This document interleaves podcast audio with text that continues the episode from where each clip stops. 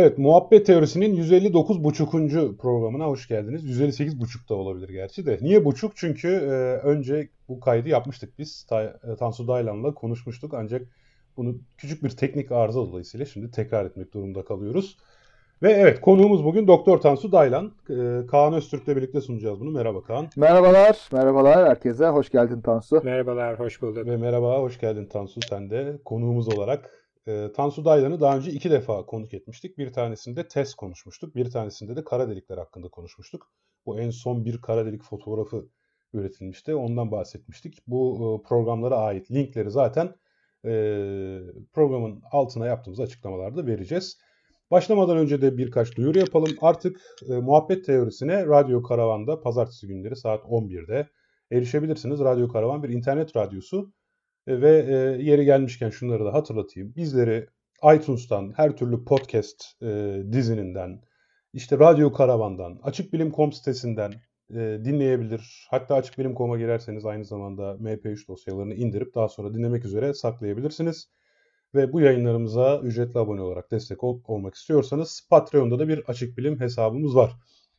Evet çok seri makinalı bir tüfek gibi konuştuktan sonra artık mikrofonu sizlere veriyorum. Öncelikle Tansu Daylan tekrar hoş geldin. Hoş bulduk. Abi çok yakınlarda TES dünya benzeri yaşanabilir kuşakta bir gezegen keşfetti. Öncelikle bu TES'in son keşfi hakkında bizlere neler söyleyebilirsin? Sana onu soralım ve programımıza da böylelikle başlamış olalım. Tamam şimdi bu bahsettiğimiz keşif e, AAS 235 diye bir toplantı vardı Hawaii'de. Orada duyuruldu. E, benim de 3 e, makalesi olan bir çalışma bu. Benim de bir makalesine katkıda bulunduğum bir çalışma. E, yapılan şey şu, kırmızı e, cüce bir yıldız etrafında bir e, kaç toplamda 3 tane öte gezegen keşfedildi ve bunlardan bir tanesi üzerinde sıvı su bulunabilir. Şimdi bu cümleyi açmamız gerekiyor e, bütün boyutlarıyla. Önce en başından başlayalım. Kırmızı cüce nedir ve neden önemlidir? Bizim güneşimiz G tipi bir yıldız. Yaklaşık olarak 6000 Kelvin sıcaklığı olan bir yıldız. Ama bizim güneşimizden daha küçük bir sürü yıldız da var. Hatta galaksimizin içerisindeki yıldızların çoğu bizim e, kendi güneşimizden daha küçük. Bunlara cüce yıldızlar diyoruz ve bunlar genelde daha soğuk yıldızlar oluyor. Ee, bazıları bizim güneşimizden biraz daha soğuk olanlarına K tipi yıldızlar diyoruz. Daha da soğuk olanlarına M tipi yıldızlar diyoruz. M tipi yıldızlar bizim için çok önemli. Bunlar kırmızı cüceler. Ve bunların etrafındaki yaşanabilir bölgenin bir özelliği var. Bunların etrafındaki yaşanabilir bölge yıldızlarına daha yakınlar. Yıldızlarına yakın olmasının da gözlemsel açıdan bizim için bir avantajı var. O da şu. Biz bu öte gezegenleri çeşitli yıldızlar etrafında arıyoruz ve arayabildiğimiz belirli periyotlar var. Yani yörünge süreleri var. Bu yörünge süreleri test için yaklaşık olarak bir ay civarında mertebe hesabı konuşmak gerekirse. Bu nedenle bir ay veya biraz daha kısa periyotlu öte gezegenler bizim için çok önemli. Ve e, M tipi e, yıldızların etrafında bu bulduğumuz öte gezegenler genelde yaşanabilir bölge içerisinde olabiliyorlar. İşte bu TES'in keşfi bu anlamda bize bir fırsat sundu. Çünkü M tipi bir yıldızın etrafında soğuk, göreceli olarak konuşmak gerekirse bir yıldızın etrafında yaşanabilir kuşak içerisinde olan bir öte gezegen bulduk. Ee, başka bir sorun yoksa bu aslında e, yaşanabilir bölge nedir ondan da biraz bahsetmek istiyorum. Ee, yaşanabilir bölgeden bizim kastımız üzerinde sıvı su bulundurabilecek sıcaklıkta olan öte gezegene e, deniyor. Tabii ki bu e, kırmızı e, cücelerin etrafındaki yaşanabilirlik çok karmaşık bir sonu, e, soru. Çünkü üzerinde çok kavgalar dönüyor. Bunun da haklı sebepleri var. E, birincisini söyleyeyim. E, kırmızı cüceler etrafındaki bu öte gezegenler aynı zamanda e, periyotları sebebiyle, yörünge periyotları sebebiyle e, yıldızlarına çok yakınlar. Yıldızlarına bu kadar yakın olunca nasıl bizim ayımız dünyamıza bu kadar yakın olduğu için gelgitsel olarak dünyaya kilitli. Aynı şekilde bu öte gezegenlerde kendi yıldızlarına e, büyük ihtimalle, burada büyük ihtimalle demek zorundayım çünkü bunu gözlemsel olarak görmüyoruz ama tahmin ediyoruz ki aynı şekilde kendi yıldızlarına gelgitsel olarak kilitli olmak zorundalar. Gelgitsel olarak kilitli demek yani hep aynı yüzünü görmek evet, değil mi? aynı şekilde e, bizim ayımız nasıl dünyaya aynı yüzünü gösteriyorsa bu e, öte gezegenlerinde yıldızlarına aynı yüzlerini gösterdiğini tahmin ediyoruz. Bunun fotoğrafını çekip elbette gösteremiyoruz ama tahmin ediyoruz. Of be. Gezegenin bir yarısı hep gündüz, diğer yarısı hep gece. Dolayısıyla arada her zaman akşam olan bir bölge var değil mi? Peki atmosferleri nasıl bu gezegen? Hani akşam oluşuyor mu yoksa ay gibi böyle karanlık, aydınlık yer birbirinden neredeyse bir çizgi gibi ayrılıyor mu? Atmosfer, yıldıza yakın olmak atmosferi etkiliyor mu yani? Büyük ihtimalle etkiliyor. Çünkü bizim alışkın olduğumuz atmosfer modellerinde şöyle oluyor. Hızlıca e, dönen işte 24 saatlik bir periyodu olan bir kendi etrafında dönüş periyodu var. Güneş etrafındaki dönüş periyodu ise 365 gün, 366 e, gün olan yaklaşık olarak bir gezegen üzerinde yaşıyoruz ve evrilmişiz. O yüzden bizim ön yargılarımız e, bu tip bir sistem için. Ama e, ve yani Güneş sistemi içerisinde buna en benzer bulabileceğimiz gezegen de Merkür. O da 88 gün de dönüyor. O da kilitli değil tam olarak.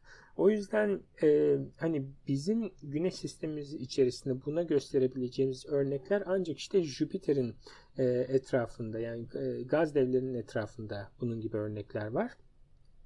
E, ama hani doğrudan bir örnek gösteremiyoruz. Bunlar da farklı olacağını tahmin ettiğimiz şey şu. E, kırmızı cücelerde çok fazla UV ve X ışını yani yüksek enerjili enerjili parçacık e, rüzgarları oluyor. Bunlar işte yıldızdan kopuyorlar ve çevrelerindeki öte gezegenlere büyük ihtimalle etkiliyorlar. Nasıl etkilerler? Eğer bu yüksek enerjili parçacıklar bir şekilde bu atmosferi e, sürekli e, üzerine yağarsa belirli birkaç milyon veya belki birkaç milyar yıl içerisinde bu atmosferdeki parçacıkları da aşındıracaklardır. Bu ilginç bir e, öngörü. Çünkü bu aşındırma eğer oluyorsa bizim bunlardan aslında yaşanabilirlik beklememizde pek de bir fayda yok. Yani üzerinde sıvı su bulunduracağını öngördüğümüz bir uzaklıkta olsalar da aslında büyük ihtimalle üzerinde akışkan bulunduramazlar. Bu da zaten onları yaşanabilir kılmaz büyük ihtimalle. Tabii ki. Burada burada bir şey evet. bir şey sorsam evet. pardon. Ee, şimdi kilitlenme mevzuna bir dönersek. Şimdi e, bu gezegenler test tarafından tespit edildiğine göre belli bir kütlenin ve tabii yarıçapın ve kütlenin üstünde olmak zorunda değil mi? Ve e, tipik olarak yanılmıyorsam bu kırmızı cüceler de daha nispeten genç yıldızlar mı? Yoksa daha mı yaşlı? Şunu, şunu sormaya getiriyorum. Yani böyle büyük bir gezegenin kilitlenmesi için bu e, e, şey gelgit etkisiyle yeterli vakit var mı böyle bir sistemde? Yok kilitlenmemiş olması da mümkün mü? Ee, çok e, yerinde bir soru. Aslında bu kilitlenme zaman ölçekleri e, ne kadar sizin yakın olduğunuza bağlı olarak çok kısa olabiliyor. O yüzden genelde sistemin yaşından çok daha küçük bir sürede e, kilitlenebiliyorlar. Eğer özellikle yakınlarsa yıldızlarına ki M tipi yaşanabilir bölge genelde bayağı yakın oluyor. O yüzden e, ki M tipi yıldızlar bu arada onu da söyleyeyim e, yaşlı olabilirler. Çünkü onların yaşam süreleri e, evrenimizin e, yaşından daha da büyük. Yani o yüzden e, genelde çok yani oluşuyorlar ve çok uzun süre boyunca milyarlarca yıl boyunca o şekilde kalıyorlar adamlar. Pek değişmiyorlar, evrilmiyorlar. Çok yavaş evriliyorlar. O yüzden e, etraflarındaki öte gezegenler çoktan zaten onlara bir şekilde aynı yüzünü göstermeye başlamıştır diye tahmin ediyoruz. Şimdi atmosfer aşınması da demişken yani sıvı su varsa bile atmosfer aşındırıldıkça o sıvı su tabi buharlaşacak zamanla o da aşındırılacak. Böylece yüzeyde hiç sıvı mı yani buharlaşmasına artık imkan olmayan şeyler kalmış olacak herhalde. O yüzden kuru, kıraç bir kaya parçası haline gelecek bu sebepten dolayı. Evet. Hiç hoş bir görüntü değil. Tabii yüzeyin altında hala belki kalabilir değil mi? Yani ee, Mars'ta da olabileceği düşünülüyor. Yerin altında mı? Evet. Evet yerin altında kalabilir o ayrı. Ama yani tabii ki gaz çıkışları olduğu için bazen e, o da ne kadar e, tutunabilir? E, o yani çünkü özellikle e, güneşine bu kadar yakınsa mesela uzakta bunlar mümkün olabilir. İşte Europa'yı biliyoruz, e, Ganymede'i biliyoruz. Yani o, o tür e, uydularda e, çok fazla üzerine bir e, ışıma olmadığı için bu mümkün. Orada bile cryo geyserler çok soğuk böyle gaz çıkışları Enceladus'tan falan e, daha önce gözlemlendi. E, onlar biliniyor ama e, büyük ihtimalle iç güneş sistemlerinde bunlar daha e, kısa sürede e, biterler. E, yani sıvı rezervlerini tüketirler diye tahmin ediyoruz. Şimdi astronomide enteresan olan bir şey var. Bütün bu, bütün ama bütün bu bilgiler fotonlardan. Yani sadece uzaktan bakıyorsun. Mesela şimdi TESS, şimdi hatta bize belki birazcık şeyden de bahsedersin. TESS'in tekrar bahsedersin daha doğrusu. Çünkü daha önce bir program çekmiştik seninle ama hani TESS'in öte gezegen keşfetme yöntemine. Ama düşünsene mesela geze, uzaydaki bütün aslında çoğunlukla gezegenler şeffafmış. o yüzden biz hiçbirini göremiyormuşuz gibi. yani... Evet, kozmik komplo teorisi.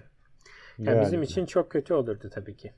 Atmosfer aşınmasını engellemenin yani bir şekilde doğal olarak engellenmesinin bir yolu bir, bir var mıdır acaba? Yani Var. En doğal yolu manyetik alan yerleştirmek. Eğer bir dinamo oluşturabilirseniz e, ki bu genelde aktif bir çekirdek ister ki içerisinde bir akışkan olsun ve o işte hareket etsin. E, eğer böyle bir şey olursa o zaman e, tabii ki manyetik alanla birlikte yüksek enerjili parçacıkları bir şekilde yönünü değiştirirsiniz. Ki işte bizim bu kuzey ışıkları dediğimiz şeyi oluşturur.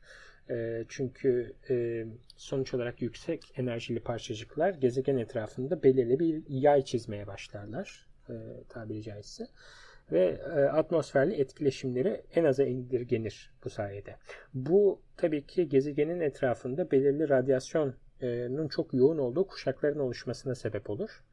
Ama o kuşaklardan uzak durduğunuz sürece sizin için bir avantajdır veya üzerinde evrilecek herhangi bir yaşam için bir avantaj olabilir. Peki şey yani bu e, magnetosfer olmadığından emin miyiz? Yaşlı yaşlı olduklarını düşündüğümüz için mi? Ya da hani bu konuda bilgimiz yok. Belki magnetosferleri var mıdır? Yani tahmin daha doğrusu ne ölçüde? Yani burada daha çok olmadığı yönünde mi olduğu yönünde mi? Şöyle söyleyeyim yani bu net bir yıldızların etrafındaki öte gezegenlerin yaşanabilirliği konusundaki tüm fikirler şu an için havada uçan e, çok da fazla yani spekülasyonla hani tahmin arası bir şey söyleyeyim. Yani çünkü tahmin demek şu e, sizin çok böyle e, e, keskin bir tahmin yapabilmeniz için bir popülasyona, istatistik yapabilmeye ihtiyacınız var. Elimizde zaten böyle bir veri yok. yani elimizde şu an için böyle bir zaten topluluk yok. Yani üzerinde zaten yaşanabilirlik üzerinden bir iz alabildiğimiz hiç e, böyle bir yaşanabilir e, gezegen yani öte gezegen yok. O yüzden e, böyle bir popülasyon analizi yapmaktan çok uzak. Şu anki fikirler daha çok hani eğer bu bildiklerimiz doğruysa böyle olmak zorundadır tarzı yargılar. Kaan sen bir şey diyordun ben seni böldüm. Yok ben aslında senin dediğini soracaktım. Yani bunu e, manyetik alan olmadığını düşündürecek bir şeyimiz yok herhalde. Her şey olabilir aslında şu aşamada. Bu da ilginç yani. Ama yani bu mesafeden o kadar bir şeyi tespit edebilmek bile bana zaten mucizevi geliyor. Yani buradan bakıyorsun. Kaç ışık yılı uzakta bunlar? Binlerce mi? Milyonlarca ee, bunlar mı? yok. Genelde onlarca veya yüzlerce. Özellikle bizim teste baktığımız. İyi ama yine de böyle kol mesafesi sayılmaz. Yani oradan bakarak bir yıldızın üzerindeki yüzde birlik, yüzde ikilik mi ne yani ışık değişimini ölçebilmek bunu muhteşem bir şey zaten. Artık daha da yok manyetik alanını tespit ettin etmedin falan gibi şey sızlanacak değiliz haliyle. Zaman... Peki şey mesela bizim güneş sistemimize kaç ışık yılı mesafeden şu an bir medeniyetin de test yaptığını varsayalım. Mesela onlar da bizim güneş sistemimizi fark edebilir mi? Yoksa kırmızı cüce olmak şart mı? Yani bu işin ön şartı kırmızı cüce olmak mı? Bu tamamen o bahsettiğin uygarlığın aslında teknoloji seviyesiyle alakalı. Kendi atmosferleri varsa ve atmosferler içerisinden e, gözlem yapmaya çalışıyorlarsalar büyük ihtimalle göremezler. Uzaya çıkıp çok hassas e, enstrümanlar kullanıyorlarsa e, o zaman bir ihtimal görebilirler. Ben e, kendi açımdan daha doğrusu hani biz kendi astronomlarımız açısından bu olayı değerlendirmemiz gerekirse şunu söyleyeyim. Biz şu an sadece kırmızı cüce tarzı e, yıldızların etrafında bu kadar küçük gezegenleri e, bulabiliyoruz. Dünya benzeri gezegenleri bulabiliyoruz. Kayasal diyebileceğimiz küçüklükte gezegenleri bulabiliyoruz. E, bunun da sebebi şu. E, bu Tesla veya genel olarak geçiş yöntemiyle öte gezegen avlamaya, e, bulmaya çalıştığınızda yaptığınız şey şu. Belirli bir geçiş derinliği ölçüyorsunuz. Ve o derinlik e, tam olarak yıldızın daha doğrusu şöyle söyleyeyim öte gezegenin kapladığı alanın yıldızın kapladığı alana oranı yani doğrudan o orana e, eşit. O yüzden e, yarı çaplarının karesiyle orantılı. E, bu sebepten ötürü eğer sizin arka plandaki yıldızınız küçükse o zaman belirli bir öte gezegenle üreteceğiniz e, derinlik sinyali de o kadar fazla karesi oranında fazla oluyor. O yüzden dünya gibi küçük öte gezegenleri şu an yıldız e, yani büyük bir yıldız, güneş benzeri bir yıldız etrafında görecek hassasiyette fotometri yani ışık sayma deneyi yapamıyoruz. Hmm. Bunu ileride e, ki yani yeni jenerasyon teleskoplar uzaydan yapabilir. Atmosfer içerisinden bunu zaten yerden yer tabanlı gözlemle bunu yapmak imkansız. Bunun sebebi atmosferik sintilasyon dediğimiz bir e, kavram var. Atmosfer sürekli mikro ölçeklerde türbülansa sahip olduğu için e, fotonları bu hassasiyetle sizin milyonda bir veya altı hassasiyette ölçmeniz imkansız. E, o yüzden uzaya çıkmak zorundasınız. Uzaya çıktığınızda da yeterince hassas, e, öncelikle e, ışık ölçer aletleri, CCD'lere ihtiyacınız var. Bir de tabii ki büyük aynalara ihtiyacınız var. Bu ikisini e, birlikte sağladığınızda o zaman e, ilerideki teknolojiyle bu mümkün olabilir. Yani şu an test üzerindeki en gelişmiş CCD'ler mi? E, test üzerindeki. Yani evet. test, test için şunu söyleyeyim. TES e, alanındaki en teknolojik olarak ileri te, teleskop değil. Yani onu en baştan söyleyeyim. TES'in buradaki yeniliği olaya getirdiği, yani bu alandaki araştırmalara getirdiği yenilik şu. E, tüm gökyüzünü uzaydan tarayabiliyor. Bunu daha önce yapabilen bir optik e, tarama teleskobu yoktu. Bu ilk optik tarama teleskobu bunu yaklaşık olarak gökyüzünün tamamı için yapabilen ve bu şu avantajı getiriyor bize. Gökyüzünün her yerine bakabilmeniz demek, gökyüzündeki parlak bütün yıldızları takip edebilmeniz demek. Ve parlak yıldızların etrafındaki e, öte gezegenler bizler için gözlemsel açıdan daha önemli. Çünkü eğer bir yıldız parlaksa o zaman ışık ölçme hassasiyetiniz de o kadar fazla oluyor. Parlak bir yıldız etrafındaki e, ışığın geçici olarak azalmalarını görme ihtimaliniz daha yüksek. O yüzden parlak yıldızları ve tüm gökyüzü gözlemi bizim için daha önemli. Yoksa öyle CCD'leri çok da özel e, yani CCD'leri falan çok özel olduğu için değil. Hatta kamera açıklığı falan da çok e, yani öyle e, abartılı bir şey değil. O yüzden o anlamda öyle çok yeni bir teleskop değil. Mesela bu son keşfedilen gezegenin yıldızının önünden geçmesi ne kadar sürdü? Bunlar genelde sayı olarak hatırlamıyorum ama birkaç saatlik e, ölçümler. Hmm. Yani tipik olarak e, öyle günlerce süren şeyler değil. Genelde yer tabanlı gözlemciler bir geceye sığdırabiliyor bu gözlemleri. Hatta küçük olan öte gezegenler e, tabii ki bunlar için daha da uygun oluyor. Peki yani ya, bütün gökyüzü bir dakika şimdi şeyde abi, ben çok e, birkaç birkaç saatlik gözlemse bu bir aylık periyodu olan bir gezegeni nasıl tespit edebilirler? Yani güneşin ışığını ya yani yıldızın ışığını örtüp ondan sonra tekrar açılması gerekli. En az bir 15 günlük gerekmez mi? Ee, şöyle örtmüyoruz aslında ama tabii ki çok fazla veri geldikten sonra işleme tabi tutuluyor veri. Hı hı. Burada amaç şu sizin e, bu kadar küçük bir öte gezegenden birkaç saatlik bir sinyalden yaklaşık olarak bir beklentiniz var. Yani şöyle söyleyeyim e, burada e, veri bilimi giriş dersi gibi olsun da istemiyorum bu ama çok basit olarak anlatmak gerekirse sizin sonuç olarak bir ay sürelik bir sinyaliniz var elinizde. Zamanla bağlı hmm. olarak bir değişkeniniz var. Ve hmm. burada e, birkaç saatlik değişkenlerden çok daha uzun zaman ölçeklerindeki değişmelerden çok da ilginizi çekmiyor bunlar. O yüzden onları siz filtreliyorsunuz aslında verinizden. O yüzden e, yani yıldız bazen bunu niçin söylüyorum? E, evren tabii ki her daim bize e, yardımcı olmuyor bu konuda. Mesela evrendeki yıldızların kendi değişimleri de var. Yıldızlar işte bazen parlaklıkları azalıyor, artıyor. Bazen periyodik olarak, bazen tamamen rastsal olarak. Ve bunları hı hı. bir şekilde sizin elemeniz lazım. Yani senin dediğin, sorduğun soru aslında çok yerinde bir soru. Çünkü bunlar böyle size hani e, şeyde sunulmuyor. E, rahatlıkla sunulmuyor. Sizin bazen o küçücük sinyalleri e, uzun süren veri analizleri sonunda bulmanız gerekiyor. Bunlar için belirli filtreler ve biraz da tabii ki bizim e, fizikteki e, algımızı kullanıyoruz. Yani ne aradığımızı biliyoruz ve o sinyale benzemeyen her şeyi veriden atıyoruz.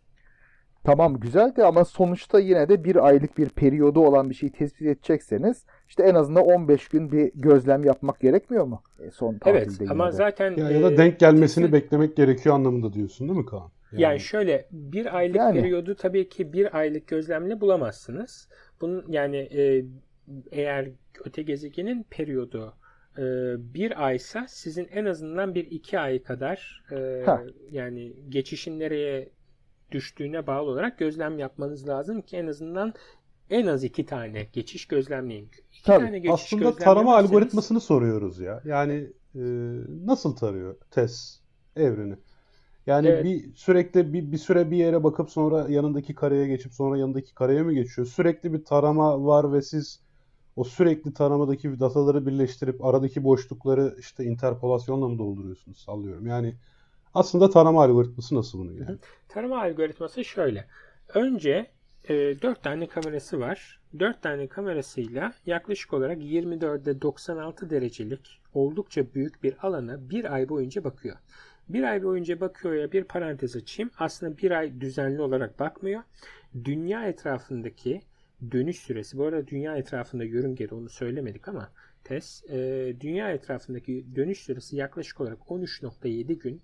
Yani ayın dünya etrafında döndüğü sürenin tam olarak ikide biri. E, yarısı. Neyse 13.7 günde bir dünya etrafında turluyor. Bu sürede e, fotoğrafını aynı bölgenin fotoğrafını çekiyor. Daha sonra kameralarını daha doğrusu antenini döndürüp dünyaya e, topladığı verileri e, boşaltıyor. Daha sonra aynı bölgeyi tekrar bir 13.7 gün daha gözlemliyor. Bu şu demek arada bir boşluğu olan yaklaşık olarak bir aylık bir veri üretiyor belirli bir nokta için. Daha doğrusu belirli bir bölge için. Daha sonra kamerasını biraz e, kaydırıyor ve bir başka bölgeyi daha tarıyor. Daha sonra bir ay sonra tekrar bir başka bölgeyi tarıyor. Bu şekilde önce bir sene içerisinde bir yarım küreyi tamamlıyor. İkinci senede diğer yarım küreyi tamamlıyor. İki sene içerisinde toplamda gökyüzünün yaklaşık %90'ını taramış oluyor. Yani burada şey diyorsun e, bir aylık bir periyotla sınırlı olmasının sebebi bu dediğin yöntem herhalde yani bir ayda bir, bir noktaya odaklanması. Evet ama tahmin edeceğiniz üzere az önce bahsettiğim algoritmayı e, eğer çalıştırırsanız bir yerden sonra fark ediyorsunuz ki belirli bölgelerde aslında bir aydan çok daha fazla veri var. O yüzden eninde sonunda diyorsunuz ki Aa, çok güzel bazı bölgeler için aslında belki bir yıl boyunca veri toplanmış. Yani e, dördüncü kamera etrafında pivot ediyoruz biz. Dördüncü kameranın çektiği bölgelerde aslında yaklaşık olarak bir yıl boyunca veri toplanmış oluyor. O yüzden mesela orada e, 200 günlük periyodu, yörünge periyodu olan bir öte gezegeni bile bulma şansınız var. Tabii ki bu çok da kolay değil ama var. Hatta şimdi NASA'dan yeni e, bütçe onaylandı. TESS e, uzayda kalmaya devam edecek. 2 yıllık e, nominal e, görevi sonunda tekrar bir uzatma göreviyle aynı bölgelere geri dönecek gözlem, açı, e, gözlem amacıyla. Bu şu demek işte bizim 2018'de Güney Yarımküre'de e, çektiğimiz fotoğrafları 2020 ve daha sonrasında tekrar çekeceğiz. Bu şu demek yani 2 yıllık peri, o yörünge periyodu olan öte gezegenleri bile bulma şansımız olacak. Harika. Bir, bir soru daha belki lüzumsuz bir teknik ayrıntı ama merak ettim. Ay periyodunun tam yarısı olmasının ay ile ilgili teknik bir sebebi mi var yoksa başka bir sebepten tam o yörüngede olması gerektiğinden mi? Evet teknik bir sebebi var. Eğer e, ilginçtir dünya ile ay arasına bu kadar uzağa yani düşük dünya yörüngesinden bahsetmiyorum. Bu kadar uzağa bir e, siz e, teleskop yerleştirirseniz ve onu tam ikisinin arasına yani yörünge periyodu açısından rezonansa girmesi açısından konuşuyorum. Eğer tam yarısına yerleştirmezseniz, e, yerleştirmezseniz o zaman e, bu e, teleskobun yörüngesi birkaç ay veya bir yıl içerisinde e, kararsızlaşıyor. Yani hmm. kontrol edemiyorsunuz. O yüzden tam ayla ikiye bir rezonansa sokuldu test ki bu sayede 10 yıllar boyunca yörüngesini çok fazla benzin harcamadan koruyabilecek. Öteki türlü sürekli benzin harcaması gerekirdi. Lagrange noktasından bahsediyorsun herhalde öyle mi? Yanlış e, mı? Lagrange değil aslında bu. E, yörünge rezonansı diye bir kavram var. Yörünge hmm. rezonansında periyodik periyodik olarak birbirlerine e, kuvvet uyguladıkları için Ay, TES ve Dünya üçlüsü TES'in yörüngesini bu e, stabilleştiriyor, kararlılaştırıyor. Ben de tam TES ay yarısıdır diyeceksin zannetmiştim aklıma. espriler geldi. TES hep 50 liralık benzin alıyor abi o yüzden. O zaman yavaştan test faslını kapatabiliriz gibi geldi bana. Bu arada bir de stajyer gezegen keşfetti diye küçük bir haber düştü geçenlerde. Yani gerçekten sadece stajyer kendi çabalarıyla mı yaptı? Sizin laboratuvarda stajyermiş galiba. Yoksa bir merakımı ce- cezbetmedi, celbetmedi değil yani. Şöyle söyleyeyim. Yani tabii ki e, küçük e, arkadaşların e, bu konudaki ilgisi ve e, çabaları çok değerli ve bu bence özel kılıyor özellikle bizim alanı. E, yani tecrübesiz veya işte bu alana yeni girmek isteyen arkadaşlar e, çok kolay e, bir şekilde büyük yardımlarda bulunabiliyorlar. Ama hani yanlış da anlaşılmasın sonuç olarak bu analizleri yapan zaten hani kodlar var. Genelde e, hani bu stajyer arkadaşların yaptıkları bu kodların çıktılarına bakarak e, sadece hani e, hani şu ilginç bu ilginç değildir tarzı yargılarda bulunuyorlar. Ama dediğim gibi bunlar çok değerli küçümsenmesin. Hani stajyerdir bunu herkes yapabilir tarzı. Sonuç olarak e, bu e, insan gücü olmasaydı e, aslında analizlerin çoğu yapılamazdı. Yani çünkü bunlar bir iki insanın yapabileceği şeyler değil. Çok fazla işbirliği gerektiren şeyler. Anladım. Anladım. Neyse stajyer kabul ediyorsanız ben mesela gelebilirim. Nereye gönderiyoruz CV'yi? Referanslara da Tansu Daylan yazayım. Bekleriz hocam. evet hocam o zaman şimdi Tansu Daylan'la e, TES mevzunu konuştuk. TES'in son keşfettiği gezegeni konuştuk. Bir de hatırlatma yaptık TES'in yöntemleri üzerine. Ama biz bugün kendisini aslında doktora konusu olan e, kozmik arka alan ışıması için çağırmıştık. Kozmik arka alan ışıması için ben şöyle sorarak başlayayım. Ee, hani bu televizyonlar hiçbir kanalı çekmediğinde bir karıncalanma adını verdiğimiz bir görüntü oluşuyor. Ben bir gün bunun bir yerlerde işte bunun kozmik arka alan ışıma olduğunu okumuştum. Öncelikle bu bir şehir efsanesi mi yoksa bir gerçeklik payı var mı? Doktor Tansu Daylan'a bu çok teknik, bilimsel ve zor soruyu sorarak başlayalım. Tamam. Şimdi tabii kozmik arka plan ışımasını da e, tanımlamadan bu soruyu doğrudan cevaplayacağım ama daha sonra geri döner biraz da detaylarına bakarız. Ama şöyle söyleyeyim. Televizyonunuzu açtığınızda eski televizyonları, analogları hiçbir yere bağlamadığınızda anten olarak, e, anten kullanarak elde ettiğiniz gürültünün e, sıfırdan farklı ama çok küçük bir miktarı evet kozmik arka plan ışımasından gelmektedir. Ama bu genelde biraz şiirleştiriliyor. Çok fazla abartılabiliyor. E, doğrudur. Sıfırdan farklı bir miktar geliyor ama öyle yüzde biri ve hatta nerede olduğunuza, dünya üzerinde nerede olduğunuza çok bağlı bu sorunun cevabı. E, ama yüzde birinden çok daha altında aslında. Yani öyle hmm. e, büyük bir kısmı. Necefli maşrapanın da sapı evet. sapı bile değil ya. Yani yani şöyle Tevellütü yetenler bunu anladı. Ya analiz açısından konuşmak gerekirse büyük bir miktar diyebilirsiniz yani. Çünkü sonuç olarak e, ölçülebilen e, bir miktarı. E, ama gündelik anlamda konuşmak gerekirse o zaman büyük bir miktarı değil. Tamamdır. O zaman şimdi konuya bir giriş yaptık. O zaman esas soru kozmik arka alan ışıması nedir? Niye arka alan? Neden ışıma? Ve neden kozmik? Hı. Şöyle üçünün üçünün cevabını veren güzel bir yanıt bekliyoruz hocam senden. Ha bir de, bir de şunu ekleyelim.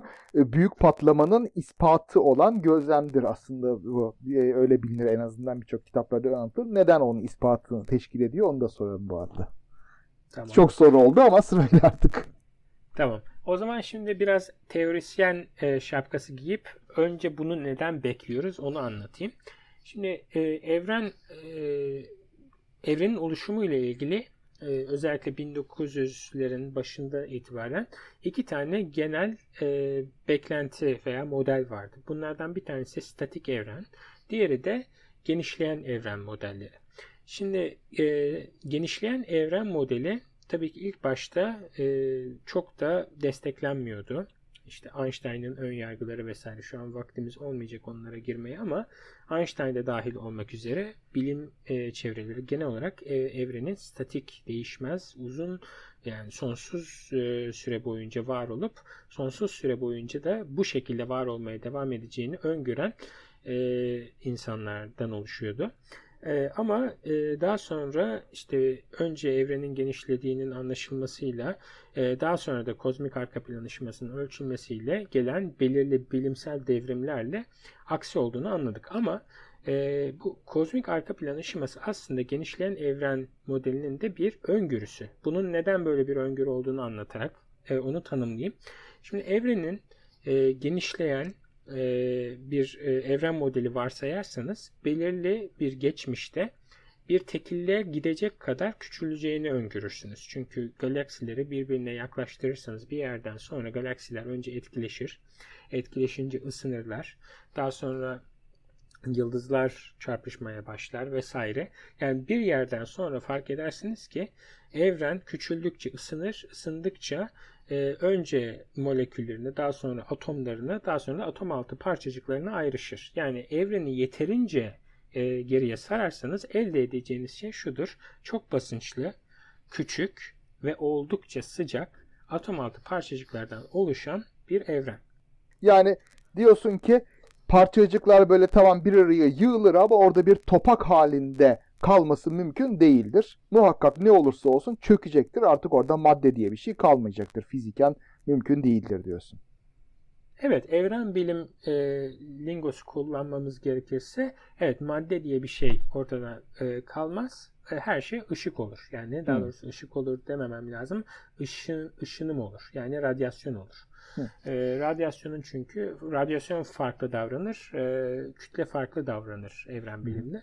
Her şey radyasyon olur. E, durağan kütle enerjisinin çok daha üzerinde bir kinetik enerjiye sahip olur. O yüzden e, özel görevlilikten de hani hatırlayacağı üzere e, arkadaşlar e, yani lisede veya üniversitede görmüş olanlar diyeyim en azından her şey radyasyon gibi davranır, relativistik olur.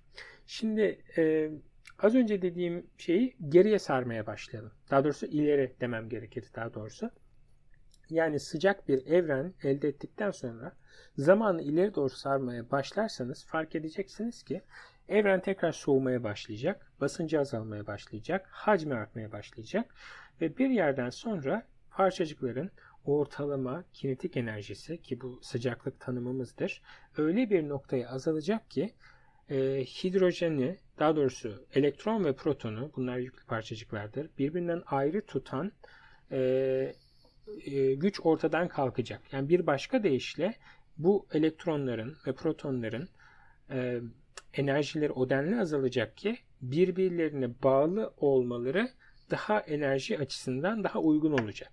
Ve birbirleriyle bağlandıklarında da nötr, e, yüksüz hidrojen atomları oluşturacaklar. Şimdi sadece bir hatırlatma yapayım. Yine lise müfredatında olan bir şey diye tahmin ediyorum bu. E, yüklü parçacıklar ışık tanecikleriyle yani fotonlarla etkileşirler. Buna Thomson saçılımı denir. O yüzden ilk evrende evren sıcakken bu elektron ve protonlar e, sürekli e, fotonlardan sekerler. Ama yüklü parça yüksüz bir hidrojen atomu oluşturduklarında bu sekmeler tamamen ortadan kalkar. Yani fotonlar, ışık tanecikleri serbest bir şekilde milyarlarca yıl boyunca hareketlerine devam edebilirler ve burada, bugüne kadar burada, pardon, hareketlerine bir, devam ederler parantez açsam. Şimdi ben birçok şeyi mekanik şeyler açısından böyle anlayabiliyorum. Belki bizi dinleyenlerden öyle olur. Şu şekilde ifade etsem sen de yanlışımı düzeltsen. Şimdi bu biraz benim bildiğim klasik termodinamiği de andırıyor biraz. Hani bir şey çok sıkıştığı zaman ısınır. Yani e, enerjisi artar. Ve o zaman da her şey çok hızlı olur. Çok o kadar hızlı ki artık bütün her şey ışık hızına yakın bir hızda olmak zorunda. O yüzden de madde artık radyasyona dönüşmüş durumda en başta. Çok sıkışık olduğundan dolayı. Ondan sonra genişleme başladığında yani aynı bir pistonun açılması gibi artık oradaki atomların soğumasına benzer bir şekilde e, oradaki madde mi, radyasyon mu, onun çorbası mı artık her ne dersek o da enerji kaybediyor bu anlamda ve yoğuşmaya başlıyor. Mesela bir gazın e, parçalarının şey atomlarının birleşip sıvı oluşturmasına benzeyen bir mekanizma diye belki bir benzetme yapabiliriz. Birebir aynı değil tabi. Çünkü elimizde bir kuarklar vesaireler on, onlar bile yok herhalde öyle ilk, ilk aşamada. Onların bir oluşması, ondan sonra onların protonları, nötronları oluşturması gerekecek. Birebir aynı olmamakla beraber belki gözle canlandırma açısından doğru bir benzetme midir? Sen daha iyi açıklayabilirsin. Elbette yani genel anlamda konuşmak gerekirse e, böyle bir analoji kurulabilir. Yani e, tabii ki işte gazdan sıvıya, sıvıdan katıya geçerken de e, düzeni artıyor e, maddenin. E, o yüzden e, faz değişimleri oluyor. E, burada bahsettiğimiz şey şu anlamda biraz farklı. Burada tabii ki e, hiçbir şekilde katıdan sıvıdan bahsetmiyoruz. Her şey gaz ve sürekli e, bir e, e, saçılma e, süreci içerisindeler. Yani çarpışıp sürekli birbirlerinden sekiyorlar. Ve e, bahsettiğimiz parçacıklar da genel olarak elektronlar, protonlar, e, yani nötronlar da var ama onlar tabii e, saçılmıyorlar. Bir de e, fotonlar. Yani üç tane e, içerikten bahsediyoruz. Önemli burada rol oynayan. Tabii ki evreni iyice geri sardığınızda artık proton nötronlardan da bahsedemiyorsunuz. Senin de bahsettiğin üzere kuarklar vesaire var. Farklı e, kuvvetler orada e, işin içine giriyor. E, ama oradan bahsetmiyorum. Bugünkü konumuz aslında evreni yeterince soğuttuğumuzda oluşan bir şey. Yani tabii ki evreni ne kadar soğuttuğunuzla alakalı olarak farklı fiziklerden bahsedebilirsiniz. E, bugün bahsettiğimiz daha çok işte evrenin yeterince soğuyup elektron, proton üretip bu elektron protonların da fotonlarla etkileştiği zaman ve öyle bir zaman geliyor ki evrenin yaklaşık olarak işte ortalama e, parçacıkların e, enerjisi 0.25 elektron volt olduğunda artık elektronlarla protonlar birleşiyor. Yüksüz hidrojen atomları oluşuyor ve ışık tanecikleri fotonlar da serbest bir şekilde hareket etmeye başlıyorlar. İşte bu e, ışık tanecikleridir ki e, artık hani tanımlayalım nedir kozmik arka plan ışıması. İşte bu ışık tanecikleridir ki günümüze kadar hareket ediyorlar ve sadece onlara olan şey şu e, kızıla kayıyorlar evren genişlediği için milyarlarca yıl boyunca yaklaşık olarak 13.8 e, milyar yıl boyunca kızıla kayıyorlar ama onun haricinde hiçbir şekilde etkileşmeden bugün teleskoplarımıza yağıyorlar. E, elbette her bir saniyede teleskopumuza yağan fotonlar daha da ve daha da ve daha da uzaktan geliyorlar. O yüzden zaman aktıkça daha da uzaktan gelen fotonları elde ediyoruz. Yani hmm. teleskoplarımıza yağıyorlar.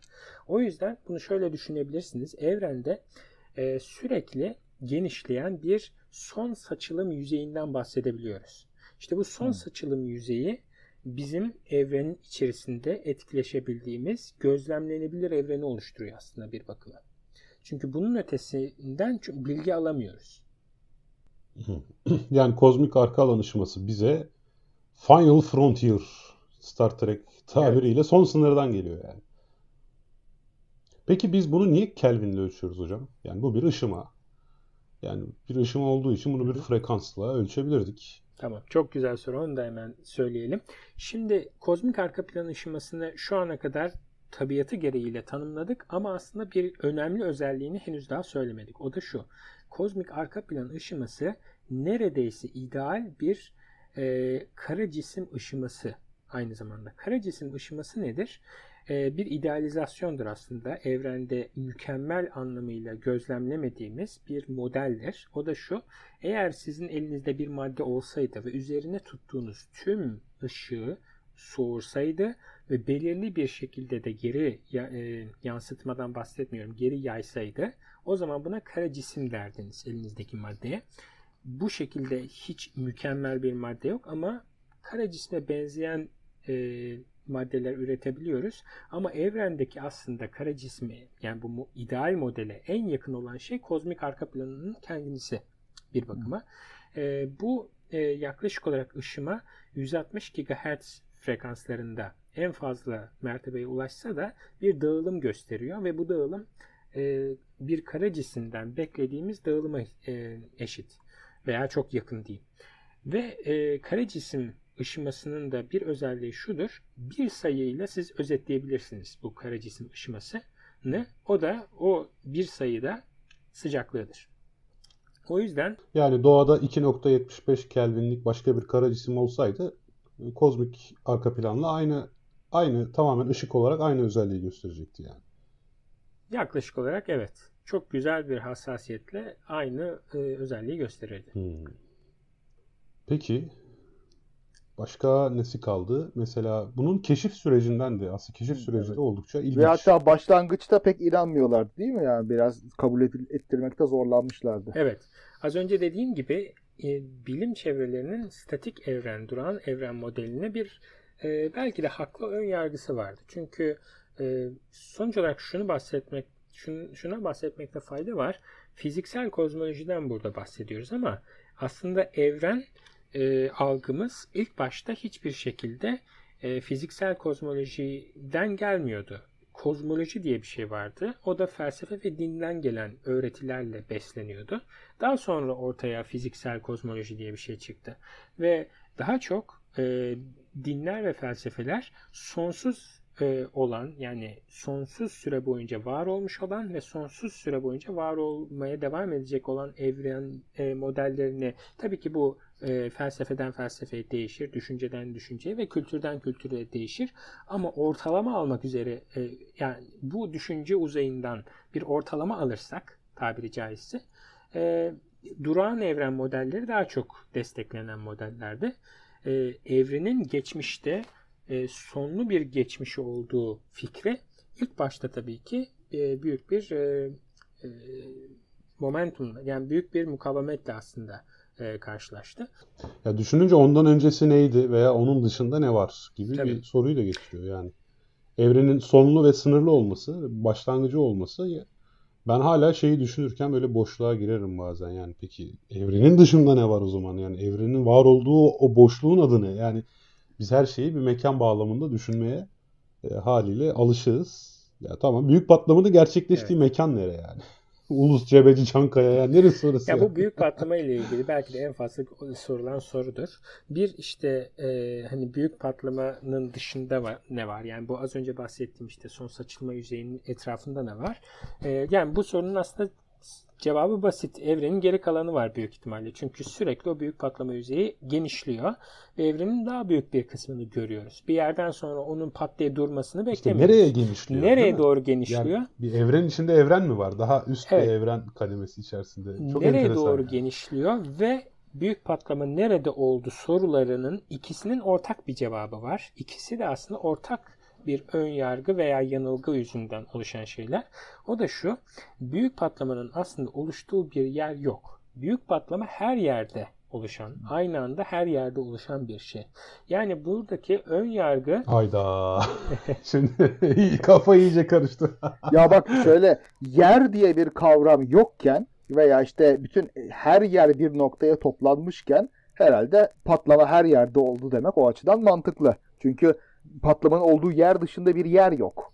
Ya Değil mi? tabii öyle de işte bu Russell'ın şey gibi oluyor yani. Kendi kendisinin alt kümesi olan öz alt kümeler kümesi kendisinin alt kümesi midir? tamam ya şimdi Ee, işte Tarif biraz etmek öyle.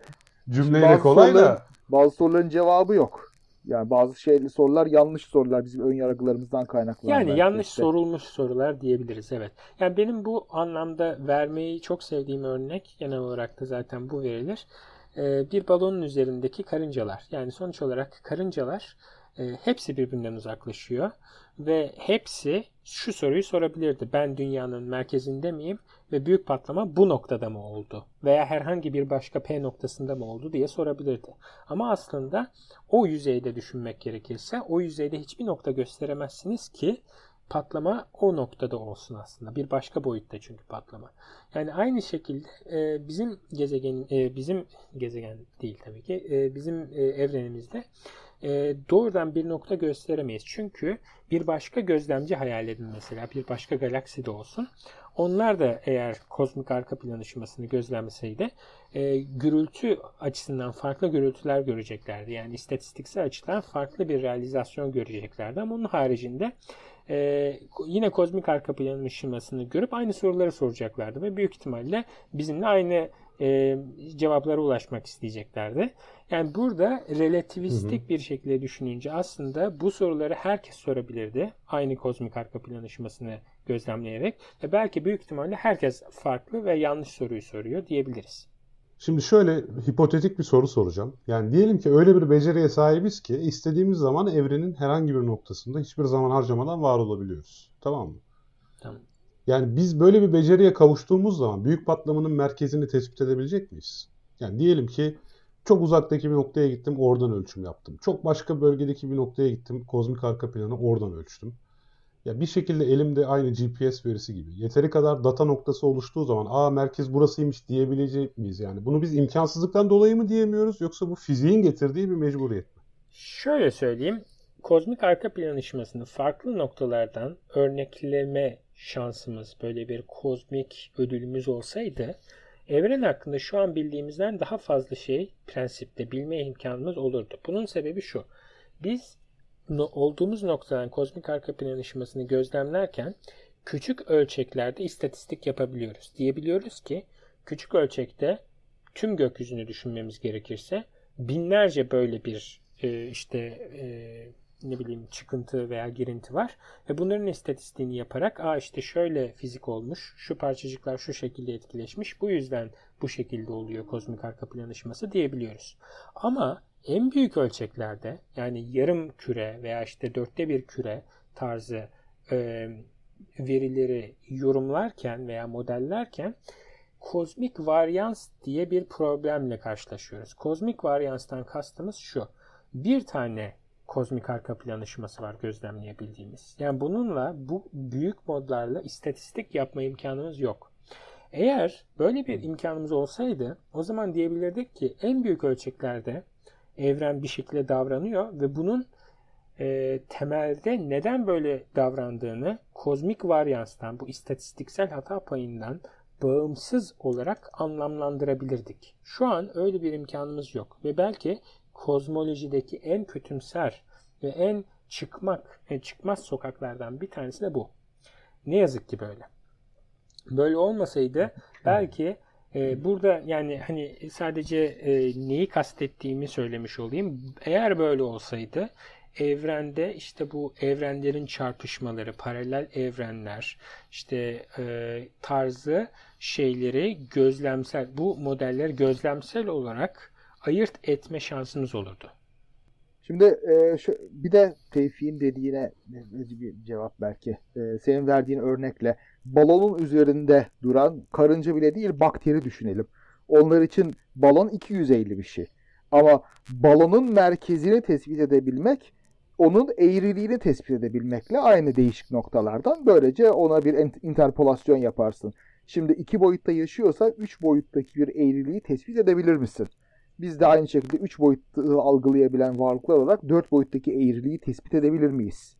Ee, muhtemelen olmuyor ama bilmiyorum yani. Şu ana kadar edemedik. Ama bunun ölçümü yapılıyor. Evrenin geometrisi yani belirli bir üç, e, üçgenin iç açılarının toplamının 180 edip etmediğinin bilimsel olarak ölçümü yapılıyor. Şu ana kadar hata paylarıyla düz bir evrende yaşadığımızı öngörüyoruz. Oo. Ama e, hata payları küçüldükçe bu tabii ki her daim bir güncellemeye tabi. Anladım abi çok güzel. Hmm. bilmiyorum çok iyi. Manifold mu düz mü? Şu an için hata payları içerisinde düz olduğunu düşünüyoruz. Enteresan. Peki yani gerçekten çok zihin açıcı program oldu da 4,5 milyar yıldır bir şekilde bu şeyi verileri kaydediyor olsaydık evren arka alan ışımasının yani onun soğuma grafiğini ölçebilmiş olsaydık bu bize yeni bilgi verir miydi şu an? Çok verirdi hem de. Çok güzel bir şey olurdu. Yani kozmolojideki en yararlı veri seti olurdu bu. Hadi Elbette ya. elimizde böyle bir şey yok. Dur abi şurada bir zaman makinesi var. Ben bir hemen ver bana enstrümanları abi. Ben bir gideyim şey yapayım, evet, bağlayayım. Evet. Yani açıkçası milyarlarca yıl boyunca bu dünya üzerinde kalıp veya başka yere işte tohumlarımızı atıp hayatta kalabileceğimizi bilsek şimdiden bu ölçümleri yapmaya e, ya yapmakta fayda var. Çünkü kozmolojik zaman ölçeklerinde bu veriyi eğer toplarsak bir yerden sonra evrenin nasıl genişlediğini fark edebileceğiz. Evet. Peki e, çoklu evren spekülasyonuna girersek böyle evren içinde oluşan evrenler, bebek evrenler vesaire. Bunlar e, nasıl olabiliyor? Yani bir bir yer, bir mekan varken sıfırdan yeni bir evren oluşması nasıl mümkün olabiliyor?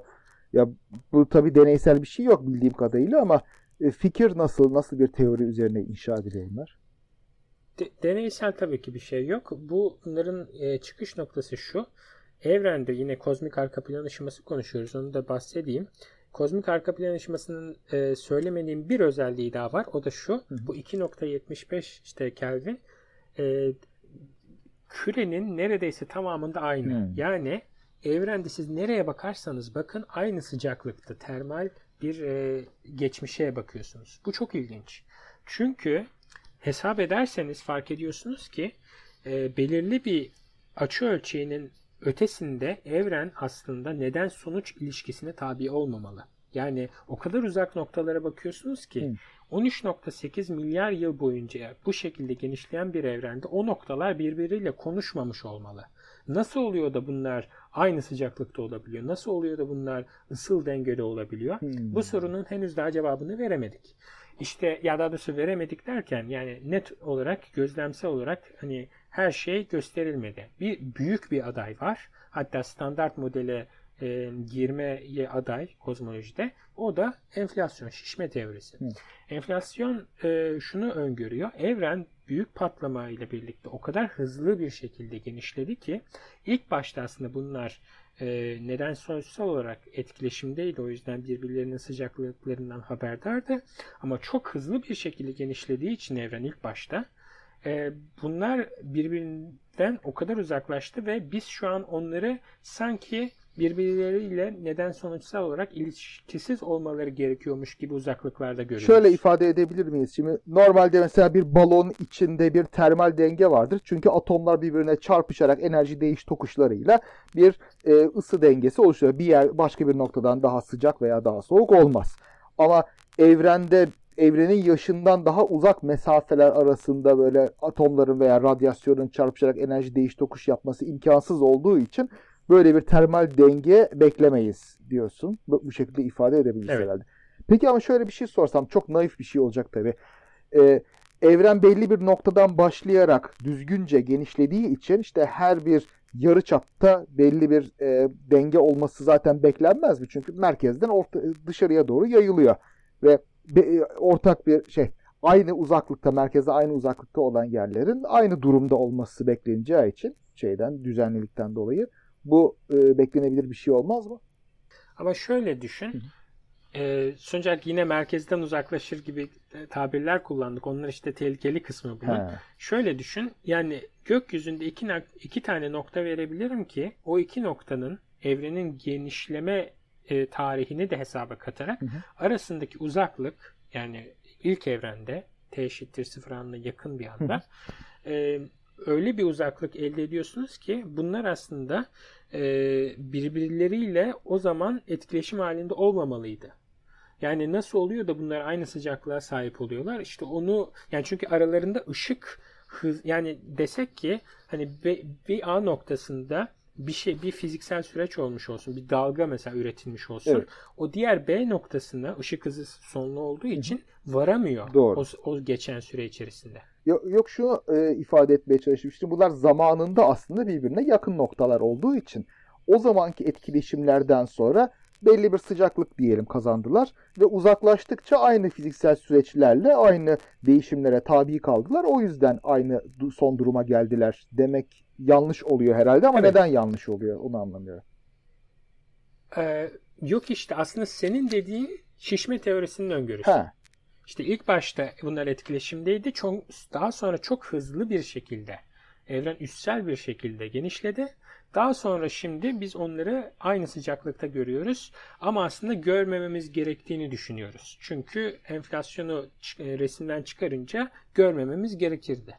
O neden? Yani her e, bütün madde önce bir tek bir noktada toplandığı kabul ettikten sonra enflasyon teorisi olsun olmasın bu yine geçerli olmaz mı? e, olmaz aslında. Çünkü şöyle söyleyeyim. Bence buradaki en önemli nokta şu. ışık hızı sonlu. Hı hı. Yani evrende seçeceğiniz iki, iki tane nokta arasında ki herhangi bir iletişimin e, hatta belirli bir süre evrenin 13.8 milyarlıkta e, yaşı olduğunu düşününce hı yani geçen süre belli. Işın hızı da belli. İki nokta arasında iletişim kurabileceğiniz belirli bir uzaklık var. Ondan ötesinde iletişim olmamış olması lazım. Tamam. Çünkü belirli bir süre geçti ve o sırada da bu mesajı iletecek sonlu hızlı bir parçacık foton vardı. O yüzden o e, ölçeğin ötesinde iletişim olmamış olması lazım. Tamam ama işte başta yan yanaydı ya bunlar. Yani büyük patlama zamanında İşte başta bu- yan yanaydı. Evet. Baş, heh, başta yan yanaydı dediğiniz anda zaten şişme teorisini varsayıyorsunuz. Yani şişme teorisi eşittir Çünkü- Big Bang mi? Başka ve e, ayrı Yok bir yok şey yok. değil. Hayır, büyük patlama dediğimiz şey evrenin en başta sıcak ve basınçlı olması e, noktasıdır. Şişme teorisi ise üssel bir genişlemeyi öngörür.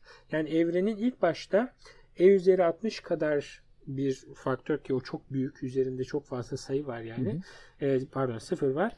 E, o kadar büyük bir sayı kadar daha küçük olduğunu öngörüyor ve e, çok küçük bir süre içerisinde evren e, şu an olduğumuz e, şu anki gözlemlenilebilir evrenden daha küçük ama yaklaşık olarak yani mertebe hesabı yapmak gerekirse yaklaşık olarak aynı e, büyüklükte bir evrene kadar büyüyor. Daha sonra büyüme çok daha yavaşlıyor ve elbette ilk evrende karanlık maddenin de etkisiyle evrenin e, genişlemesi oldukça yavaşlıyor. E, Hı. ama genişlemeye tabii ki devam ediyor ama insani ölçeklerde genişlemeye devam ediyor Hı. tabiri caizse. Valla şey tabii fizikle hele böyle e, ileri teorik fizikle ilgili kavramları matematik kullanmadan anlamak e, ve aktarmak imkansız olduğu için yani herhalde ancak o buraya kadar konuşabiliyoruz. Yani sözlerle bir yere kadar. Belki burada daha fazla uzatmayabiliriz. Yani diyorsun ki yani bu ancak enflasyon teorisiyle Big Bang'le beraber e, açıklayabilen bir şey. Okey. Peki şeye multiverse'lerden bahsedecektik ama şey çoklu evrenler. Yani onlar da işte e, olaya şuradan giriyor. Eğer e, büyük patlama anında e, birkaç tane yani bu enflasyon dediğimiz şey e, şöyle düşünebilirsiniz. Evren birkaç evren hatta sonsuz sayıda evrenin e, bir arada bulunduğu bir gerçeklik hayal edin ve burada evren tanımınız sizin şişme e, geçirip hızlı bir şekilde büyüyen balonlar olsun. Yani sizin evren dediğiniz şey o balonların bir tanesi olsun. Bu balonlar şişmenin etkisiyle birlikte e, daha sonra yani e, ilk evrende çarpışabilirler ve aslında büyük patlama dediğimiz şey bu çarpışmalardan bir tanesi olabilir. Bu nedenle ki bunlar yani ben bunları söylerken hiçbir şekilde bunlar gözleme e, değen şeyler değil aslında. Çünkü az önce bahsettiğim sebeplerden ötürü yani bunları yanlışlamak da doğrulamak da çok kolay değil. Hatta şu an için mümkün de değil. Ama sonuç olarak e, bunların yüksek enerji teorileriyle bir bağlantısı var. Yani çünkü yüksek enerjili teorileri de bunları öngörüyor. E, o yüzden böyle bir olasılık var diyeyim. Evet, ama bu evrenler bir şekilde karışmıyor birbirine öyle mi yani başlangıçta ayrı ayrı şişiyorlar. Evet çünkü e, şişmeye başlayan bir evren artık diğerleriyle etkileşmiyor bir bakıma. Ha. Yani o süreç geçtikten yani şu an mesela şu an bizim evrenimiz e, artık e, normal evrimine devam eden bir evren olduğu için yani sürekli çarpışmaya devam etmiyor. Neden olduğu hakkında bir fikir yok herhalde yani öyle far- farz edelim mi demişler. Yani e, Alan Guth'un bu konuda e, çalışmaları var. E, hani tam olarak anlaşılmış bir şey değil çünkü zaten gözlemsel olarak e, yani doğrudan hani şu yüzdendir diyebileceğimiz bir elimizde gözlem yok. E, bu fikirler şu anda kanımca çok fazla e, yere yani böyle ayakları yere sağlam basmayan fikirler. Hı. Ama matematiksel olarak bir temeli var yani imkansız değil. Temeli var. Anladım. Evet imkansız değil. Çok güzel. Peki. Tamam yani e, kapatabiliriz yavaş yavaş isterseniz. Evet. Valla Tansu Hocam ağzına sağlık. Çok tane tane anlatıyorsun. Evet. Konular zor olsa bile en azından ben anladım. Yani umarım dinleyicilerimiz de Vallahi çok anlamıştır. tatlı konular, sağ ol. Konuya yabancı olan. Çok ağzına sağlık Tansu. Ben gerçekten. teşekkür ederim. Çok güzeldi sorular ayrıca. Valla Tansu Hocam oralarda gelişmeler oldukça biz seni davet edelim zaten ama yani özellikle konuşmak istediğim başka konular olursa da her zaman bekleriz. Tamamdır. Ha. Elbette. Evet. Her daim. O halde veda faslına geçelim. Ee, Muhabbet Teorisi'nin yeni bir bölümünü daha tamamladık. Bugün Doktor Tansu Taylan, Kaan ve benim konuğum oldu. Kendisiyle TES, kozmik arka alan ışıması ve sürpriz bir şekilde de biraz büyük patlama konuşmuş olduk. Ee, önümüzdeki haftalarda görüşmek dileğiyle o zaman. Hoşçakalın. Hoşçakalın. Hoşçakalın. Daha fazla bilgi edinmek isteyenler Tarihi Osmanlı Mecmuası'nın 3. cüzünün 1912. sayfasına bakabilirler efendim.